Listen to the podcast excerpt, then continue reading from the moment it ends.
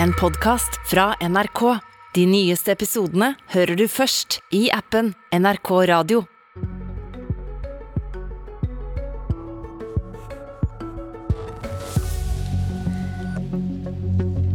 I dag skal danskene gå til stemmeurnene for å avgjøre om de skal droppe unntaket sitt fra å delta i EUs felles utenriks- og sikkerhetspolitikk.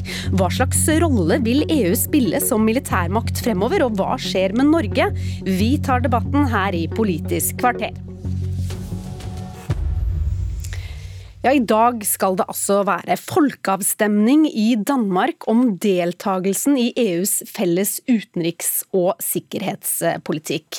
De skal avgjøre om de skal droppe det unntaket de har hatt fra å delta i EUs felles utenriks- og sikkerhetspolitikk. Korrespondent Joakim Reikstad, du er på plass i København og følger denne folkeavstemningen. Først så er det sikkert mange som lurer på hva er grunnen til at Danmark ikke er medlem av, av denne felles utenriks- og sikkerhetspolitikken? Ja, dette grunner i at eh, etter 20 års med EF-medlemskap, så ville jo EF-landene bli til EU.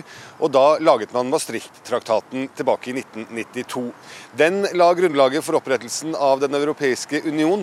Men da Danmark skulle stemme over den, så stemte danskene et knapt riktignok, men likevel et nei til Maastricht-traktaten.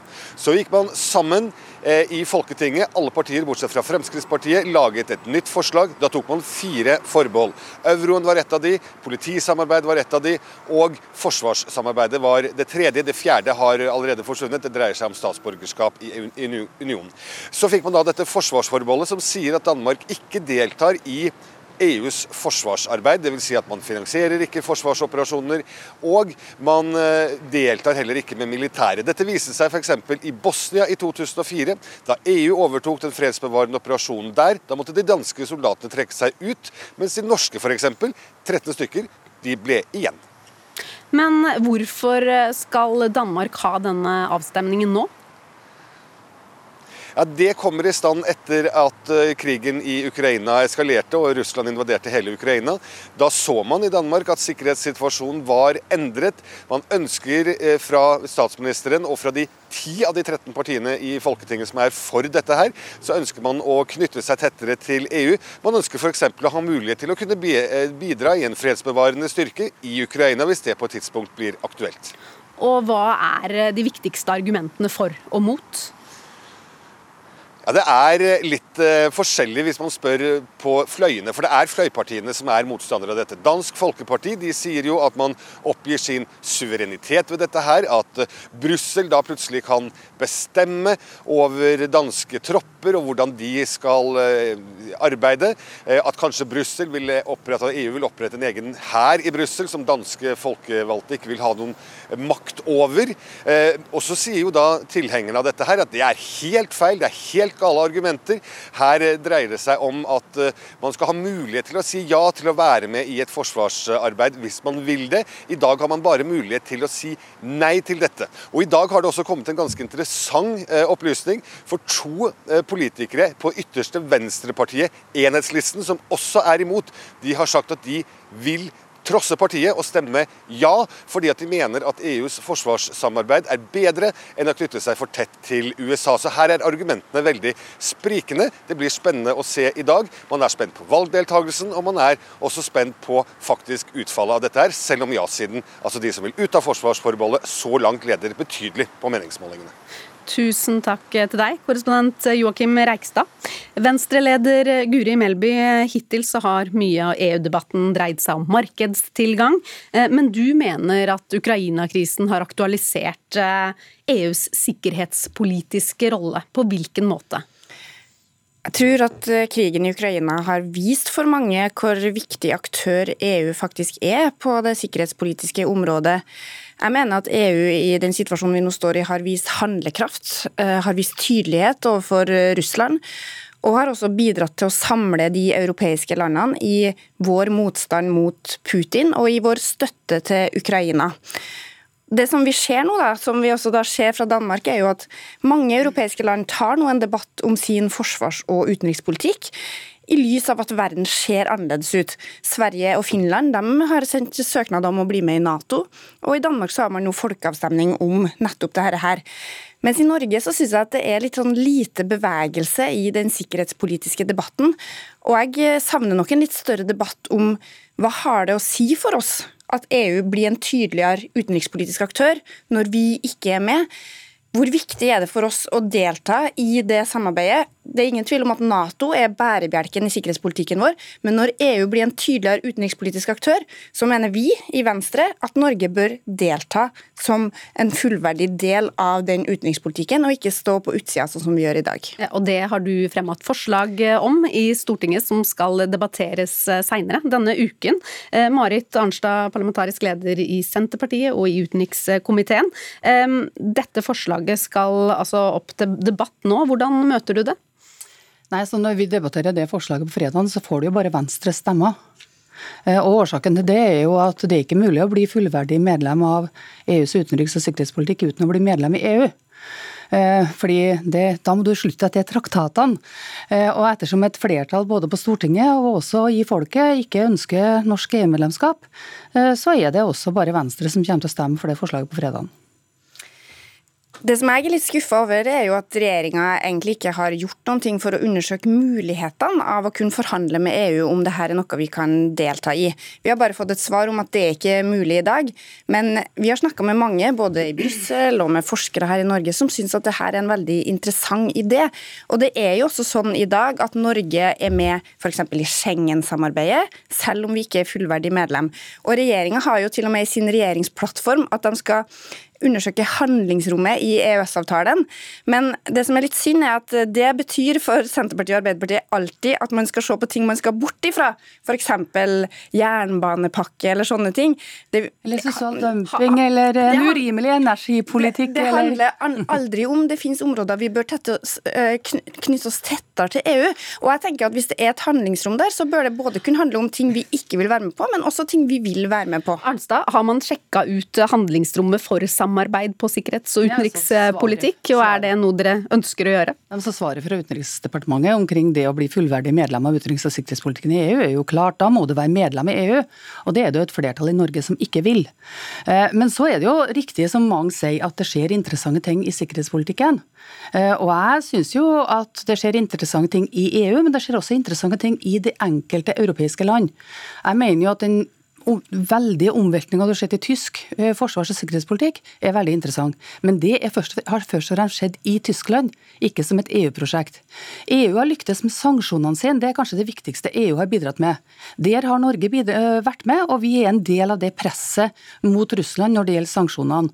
Eh, og så har vi noen tilpasninger også fra norsk side som er nødvendige når det gjelder det spørsmålet. Vi har ikke forhåndssensurert de her russiske avisene fordi det støter mot ytringsfriheten i Grunnloven.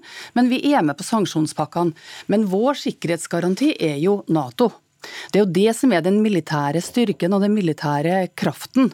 Eh, og når Danmark, eh, Samtidig som Danmark i dag har folkeavstemning om EUs utenriks- og sikkerhetspolitikk, så erkjenner altså Finland og Sverige at EU er ikke nok. De eh, trenger en sikkerhetsgaranti, og den sikkerhetsgarantien den får de gjennom Nato-medlemskapet. Derfor søker de Nato-medlemskap. Ja, Melby, er ikke dette samarbeidet for Norges del dekka av andre avtaler, som forsvarsalliansen Nato og eksisterende avtaler innad i EU?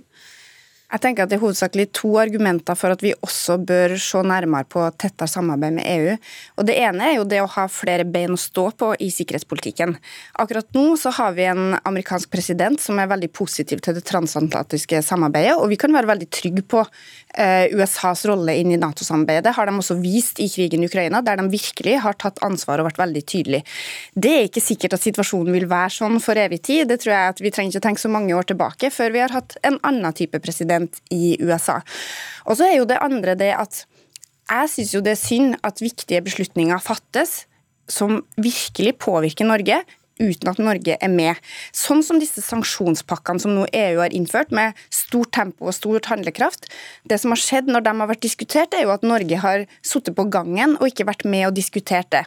Vi har innført de fleste, kanskje med to unntak, det her med presse og det med havneforbudet.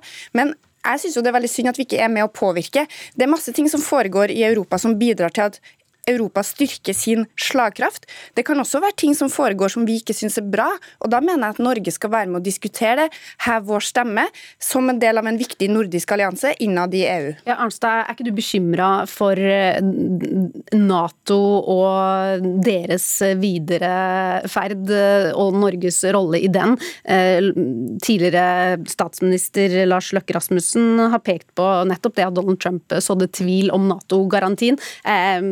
Hva, hva tenker du om Norge har vært medlem i Nato i 70 år under skiftende presidenter og regimer i USA og andre land som er medlemmer av Nato. Eh, vi kan ikke basere vår forestilling om Nato-medlemskapet på hypoteser om hvem som eventuelt kommer til makta i det ene eller det andre landet.